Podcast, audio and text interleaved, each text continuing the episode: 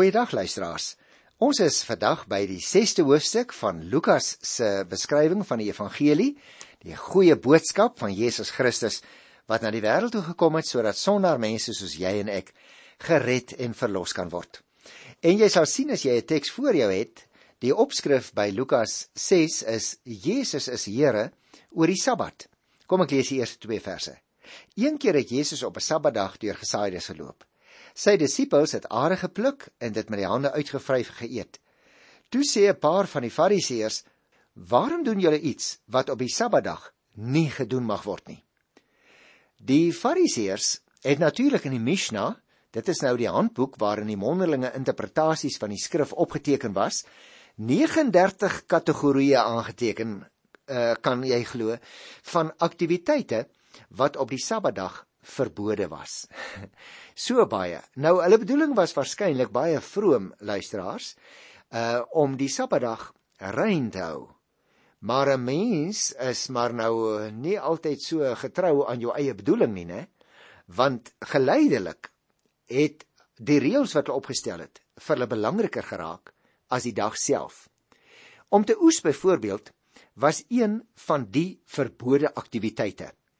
Het jy geweet die ouens vir daai reëls gemaak het, het selfs so ver gegaan om presies te gaan beskrywe wat met oes bedoel word en wat die disippels gedoen het, naamlik om die koringare tussen hulle hande te vryf en dit is dan ook volgens hulle reëls beskou as oes. Die Here het opdrag gegee dat boere die graan aan die buiterande van hulle lande moes laat staan sodat die armes daarvan kon eet. Jy sal onthou ons het dit teëgekom toe ons die boek uh, Levitikus behandel het en dit staan ook in Deuteronomium 23 by vers 25. Die disippels was dus nie regtig besig om te steel nie. En hulle was ook nie besig om die Sabbat te ontheilig nie, want hulle was nie besig om te werk nie. Hulle het dus geen wet van God verbreek nie, maar slegs 'n wet wat deur mense ingestel was. En die Fariseërs was onder die indruk dat hulle godsdienstige stelsel die antwoorde op enige bestaande vrae gebied het. Hulle wou Jesus nie aanvaar nie omdat hy nie by hulle stelsel wou inpas nie. En daarom luister, dink ek is dit vir jou my baie belangrik want jy sien ons kan ook om dieselfde rede by Jesus verbygaan sonder om hom te ontmoet. Waak altyd daarteenoor om te dink dat jou kerk al die antwoorde bied, dat jy weet presies hoe die Bybel verstaan moet word. Want geen godsdienstige stelsel kan Christus geheel en al omsluit of sy werk op aarde volmaak aan ander leer nie. Daarom moet ons ook versigtig wees nê vir uh vir allerlei boeke. Ek praat nie van verkeerde boeke nie, ek praat van boeke wat uh godsdienstige boeke is. Maar nadat ons nader aan so besig is met die boeke of selfs met ons radioprogram, dat ons nie die woord van die Here self gaan lees en bestudeer om te hoor wat dit sê nie.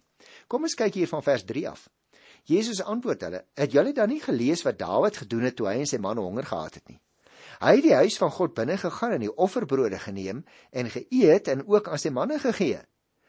Tog is niemand behalwe die priesters toegelaat om daardie brood te eet nie. Verder sê ek vir julle: Die seun van die mens is Here oor die Sabbat." Nou luisteraars, die Here Jesus verwys hier na 'n gebeure in 1 Samuel 21 vers 1 tot 6, waar Dawid en sy manne op 'n dag honger was en toe gaan hulle in die tempel in en hulle gaan vat van die offerbrode wat eintlik veronderstel was dat net die priesters dit sou eet. Nou hiervoor was daar nou ook nou baie voorskrifte wat deur die Jode opgestel is. Maar nou gebruik die Here juis die voorbeeld om vir hulle te sê, hoor hier, daar's allerlei mensgemaakte reëls. Daai ouens was honger. Hulle het geen wet van die Here oortree nie. Hulle het net die bepalinge van mense wat hulle verhef as dit ware bo die wet van God. Dit het hulle nie gehandhaaf nie. En net so luisteraar moet jy en ek versigtig wees dat ons nie die bepalinge van mense later hoër ag as die bepalinge en die woord van God self nie. Dis nodig dat ons die woord sal ken. Kom ons kyk hier by vers 6. Die man met die gebreklike hand. Op 'n ander Sabbatdag het Jesus weer in die sinagoge ingegaan en die mense geleer. Daar was 'n man met 'n gebreklike regterhand. Die skrifgeleerdes en die fariseërs het Jesus dopgehou om te sien of hy op die Sabbatdag iemand sou gesond maak sodat hulle 'n aanklag teen hom kon kry. Jy merk op hoe gesleep hulle nou begin raak het, nê? Want hulle kry nie regtig 'n klag teen die Here nie. Maar hy het hulle gedagtes gelees. En vir die man met die gebreklike hand gesê: "Staan op en kom staan hier in die middel." Die man het daar kom staan. Toe sê Jesus vir hom: "Nou vra ek julle: Mag 'n mens op die Sabbatdag goed doen of kwaad doen? Iemand red of doodmaak?" Jy sien luisteraar, dit is baie maklik om allerlei reëls op te stel. En wanneer iemand voor jou staan, dan besef jy die saak is nie so eenvoudig, so simplisties nie. En dis nou wat hier gebeur. Hulle reëls het gesê jy mag nie op die Sabbatdag goed doen nie. Nou roep die man hom en hy laat hom daar tussen hulle staan. Nou gewoonlik word 'n mens se hart dan 'n bietjie sag, né? Genesing is ook volgens die Mishnah wette op die Sabbat verbied. Daai wette waarna ek net nou verwys het. Dit was vir die godsdienstleiers belangriker om hulle wette na te kom as om hierdie arme man uit sy lyding te probeer verlos. Maar vir Jesus was 'n genadedaad teenoor so iemand die ware vervulling van die Sabbatswet. Die wet bepaal naamlik dat 'n mens op die Sabbat verlos moet word van jou handewerk en van jou lyding wat jy dalk moet verduur. En daarom, in vers 9, vra hy nou vir hulle: Mag 'n mens op die Sabbatdag goed doen of kwaad doen, iemand red of doodmaak? Jy sien, in sy vraag aan die Fariseërs doen Jesus eintlik 'n beroep op hulle ges, op hulle gesonde verstand. Die vraag veronderstel dat om te weier om goed te doen beteken om kwaad te doen. Daarom gee Jesus geen ruimte vir sy teestanders om 'n antwoord te gee nie. En dan lees ons hier in die 11de vers, uh nadat hy almal rondom hom aangekyk het, sê hy vir die man: "Steek jou hand uit." En hy het dit gedoen en sy hand was gesond. Maar hulle het rasend van woede geword en onder mekaar geredeneer oor wat hulle Jesus sou aandoen.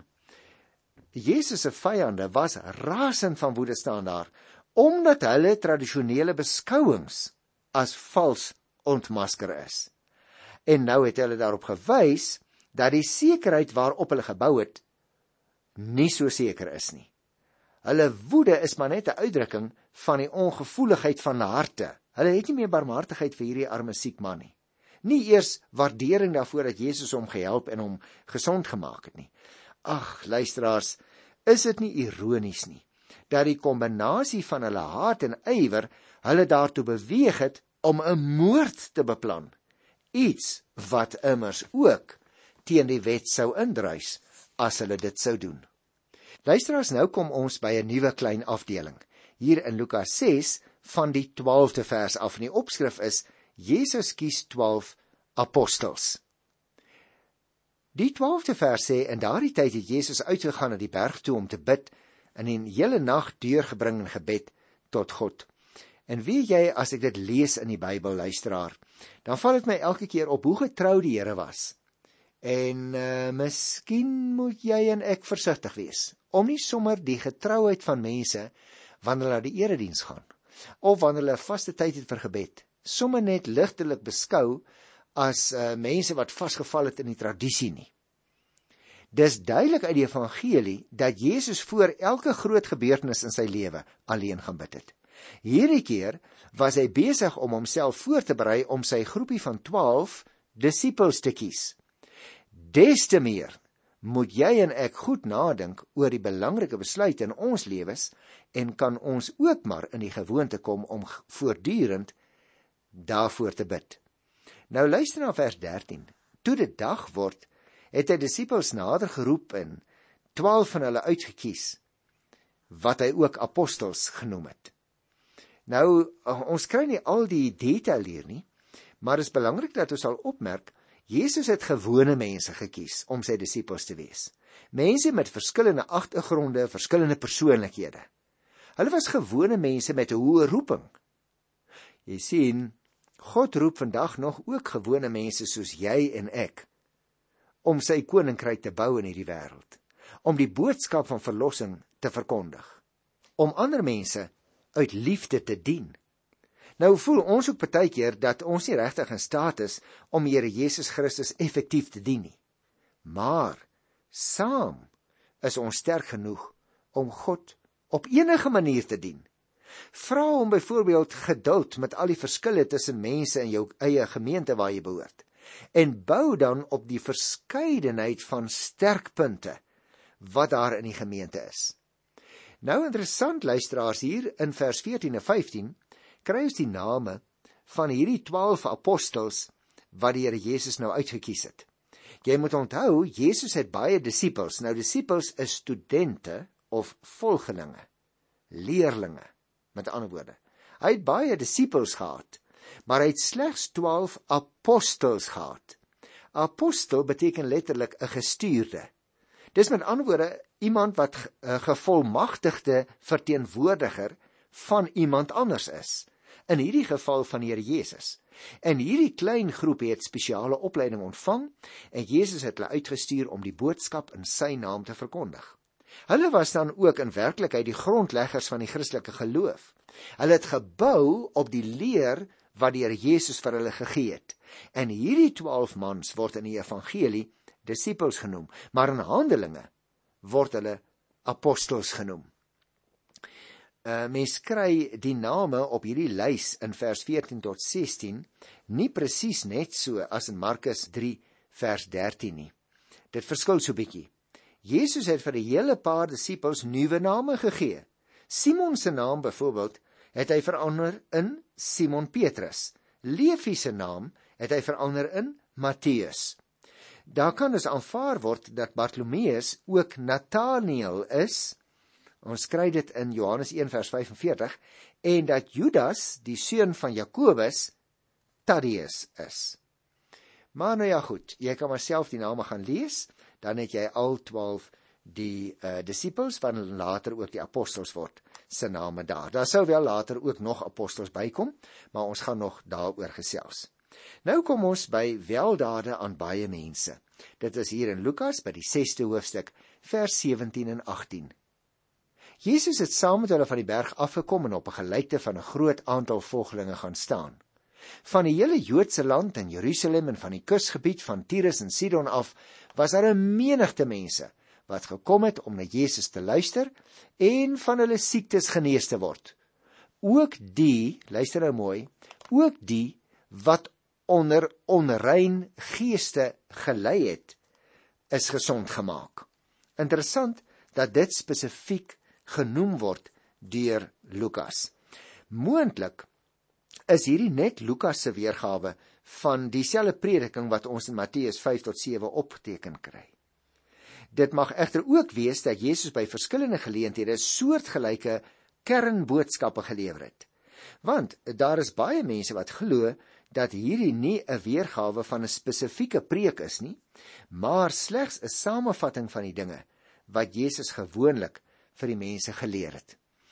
As 'n mens nou hier kyk by vers 19, Uh dan is dit ook interessant, daar staan al die mense het Jesus probeer aanraak omdat daar krag van hom uitgegaan het en hy almal gesond gemaak het. Toe die mense nou eers begin besef het dat Jesus siekes gesond kan maak, het groot skares rondom hom begin saamdrom. Almal wou net eenvoudig aan hom raak, skrywe Lukas, en vir baie van daardie mense het Jesus 'n simbool geword van geluk byna soos 'n geluksbringer of partykeer kan 'n mens self sê soos 'n towenaar. O, hulle het nie gehinker na God se liefde of vergifnis nie. Maar hulle wou net genesing hê of wonderwerke sien gebeur. Tussen hakies, luisteraars, daar's vandag nog baie mense vir wie God eintlik maar net so 'n kosmiese towenaar is. En gebed net 'n middel waardeur pyn as dit ware gestil kan word. 'n middel waardeur hulle die Here kan ooreed om weer 'n slag iets groots te doen. Onthou God is nie 'n towenaar nie. Hy is die Here. En gebed is nie 'n manier waarop ons die Here kan manipuleer soos ons wil hê hy moet spring nie maar 'n manier waarop ons onsself elke keer by hernuwing onder sy gesag moet stel Nou is daar 'n ander opskrifie wat sê seën en ellende. hier by vers 20 in Lukas 6. Jesus het die disippels aangekyk en gesê: "Geseënd is julle wat arm is, want aan julle behoort die koninkryk van God." Geseënd is julle wat honger het. Nou luisteraars, ek gaan nie in diepte hierop in nie, want ons het uh, redelik in detail ingegaan op die bergpreek in Matteus 5 tot 7. So daar is wel net enkele uh, dingetjies wat ek vir jou wil uitlig. Byvoorbeeld, uh hier by vers 24 staan daar geskrywe: "Maar elende wag vir julle wat ryk is, want julle het julle lekker lewe al weg." Luisteraars, dit is eintlik 'n stukkie lering van die Here Jesus wat my bang maak. Want wie jy, jy en ek wat bevoorreg is, ja, bevoorreg is net om 'n radio te hê. Wat miskien bevoorreg is om tyd af te staan om na so 'n program te kan luister. Wat soveel voorregte het as gevolg van rykdom dat ons so maklik die Here vergeet. En nou staan hier ellende wag vir julle wat ryk is, want julle het julle lekker lewe al weg. Jy sien vir die wat ryk is, wag ellende. Nie omdat hulle ryk is nie, maar omdat hulle in hulle rykdom selfsugtig is en net op hulle eie voordeel bedag is. En daarom as jy dalk probeer om in rykdom vervulling te vind, dan sal jy slegs rykdom en niks meer as dit nie vind aan die einde van die pad. Rykdom is in elk geval nie iets wat blywend is nie.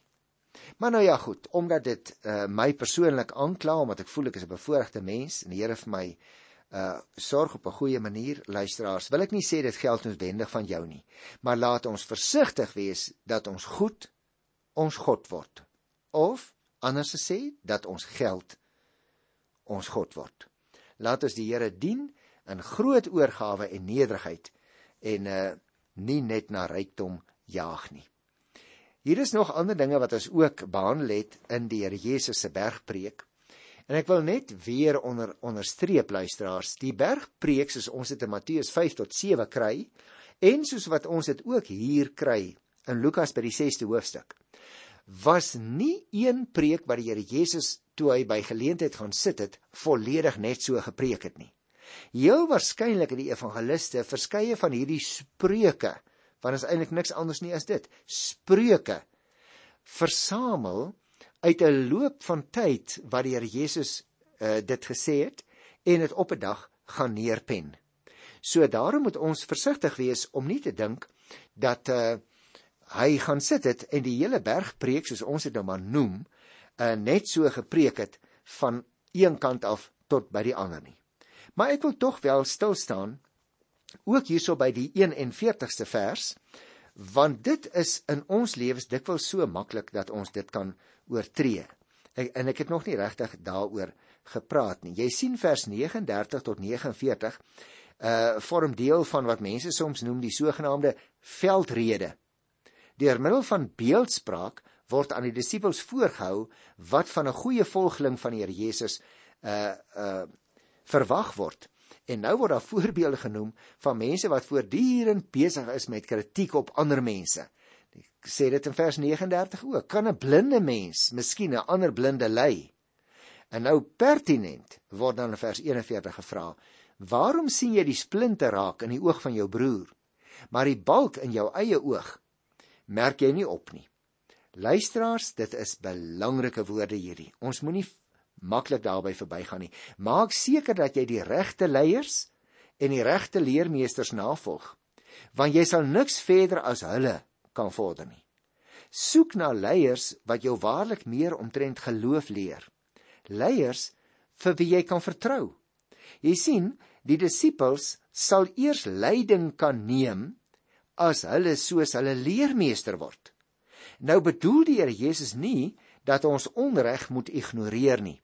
Maar ons moenie so behep wees met ander mense se sondes dat ons nie ons eie sondes raak sien nie. En van daar sy gewone beeld van 'n splinter in die broer se oog wat jy nou raak sien, maar jou eie balk en jou eie oog sien nie raak nie. Jy sien luisteraar, jy en ek rasionaliseer dikwels ons eie foute deur dieselfde dinge in ander mense se lewens raak te sien en hulle aandag daarop te vestig. Mag ek jou vra oor watter splinters in ander ouens se oë spreek jy oor die graagste uit in jou menings? En dan is dit dalk by jouself erger. Dink eers aan die balk in jou eie oog, dan sal jy nie so maklik oor die splinter in die ander ou se oog praat nie. Dit word pertinent ook gesê in vers 42 wat die balk in jou eie oog nie raak sien nie, maar jy praat met jou broer en die Here Jesus noem so iemand 'n huigelaar tereg ook. Ek is regtig bang, uh, luisteraars, dat ek ook so 'n ou groot huigelaar is wat nie die balk in my eie oog sien nie, net die splinter in ander mense. Byvoorbeeld Die Here Jesus neem nog 'n wonderlike praktiese voorbeeld oor 'n boom wat aan sy vrugte geken word hier in Lukas 6 van die 43ste vers af.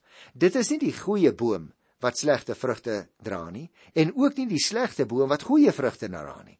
Elke boom word aan sy vrugte geken. En luister as dis 'n verskriklike belangrike ding. As jy wil weet wie iemand binnekant is, kyk maar hoe hy of sy na buite optree. Maar ek wil graag afsluit met die laaste paar verse wat ons kry hier in Lukas by die 6ste hoofstuk van vers 46 af. Watter sin het dit dat julle my aanspreek met Here, Here en nie doen wat ek sê nie? Elkeen wat aan my toe kom en na my woorde luister en doen wat ek sê, ek sal vir julle verduidelik hoe hy is. Hy is soos 'n man wat by die bou van sy huis die grond diep uitgegrawe en die fondamente op die rotsbodem gelê het. So die Here Jesus gaan nou voort hier. Hy gebruik 'n beeld wat mense ken om te sê daar's twee soorte fondamente. Die een is 'n goeie sterk fondament, die ander een is nie so nie. En luisteraars in jou en in my lewe is dit dikwels net so waar. Jy sien gehoorsaamheid aan God word hier vergelyk met 'n huis wat op die sterk rotsfondament gebou word en dit kan natuurlik bly staan te midde van elke storm. Ons besef nie hoe belangrik ons fondamente is as die lewe kalm is nie. Want dit is eers in krisistye wat daardie fondamente werklik op die proef gestel word. Maak seker luisteraar, o maak seker dat jou lewe op die vaste fondament van Jesus Christus gebou word. En daarom wil ek afsluit met vers 49. Maar as iemand luister en nie doen wat ek sê nie, is hy soos 'n man wat sy huis bo op die grond gebou het, sonder 'n fondament. En toe die vloedwater dit tref, het dit dadelik ingestort en daardie huis het een groot puinhoop geword. Hoekom sou 'n mens nou jou huis op sand bou? sal iemand vra. Nou ja, miskien omdat so iemand nie kans sien vir die harde werk wat nodig is om 'n diep fondament uit te grawe nie of miskien omdat die ou se tyd min is. Dalk wil hy graag naby sy ander vriende wat klaar op die sand woon, gaan bly. Die mense weet waarskynlik nog nie van die geweldige storms wat gaan kom nie. Of hulle ignoreer al die stormwaarskuwings. Ek onthou luisteraars, ons Bybelstudie groep het een keer in Malawi gaan toer met ons eh, met ons voertuie en ons sleepwaens en ons baie kinders. Ons het daar by die pragtige Malawi meer aangekom, maar ongelukkig vir ons was dit reeds donker toe ons daar aankom. Ons het geweet dis 'n varswatermeer. Mense het ons baie daarvan vertel en ons slaan toe ons tentjies op sommer daar naby die water. Want ons mos nou nie 'n groot see wat verskriklike branders kan maak nie. En dit is so, daar is wel branders, maar is nie geweldig groot nie. Maar wie ons het net ons tente klaar opgeslaan. Toe kom kom roep iemand ons sê vir ons, "Hoe kan julle julle tente hier opslaan want die seekoeie dit is omdat dit vars water is. Die seekoeie gaan daar bo in die water in. Dan lekker dryf hulle in die ligte briesie van die wind op die water af. En hierdie is een van die plekke op die strand omdat dit hier so wyd oop die sand is waar hulle uit die water uitkom. En luisteraars, dit klink te goed om te waar te wees, maar ons het nog pas begin om ons tente af te slaan toe sien ons 'n seekoei in die maanlig uit die water kom en hy begin op die strand langs aangestap kom. En so is dit dikwels ook in ons geestelike lewe. Ons maak nie die fondamente van ons geestelike lewe baie goed nie. En as die wind kom, kan dit ons omwaai. Dit het nie eers 'n seekoei nodig nie. Hoe sterk is jou geestelike fondament? Ek wil weer eens vir jou vra. Lees die woord van die Here, bestudeer dit, pas dit toe op jou eie lewe en dan sal jou geestelike lewenshuis stewig staan. Ek groet jou in die wonderlike naam van Jesus Christus, die enigste fondament. Tot volgende keer. Totsiens.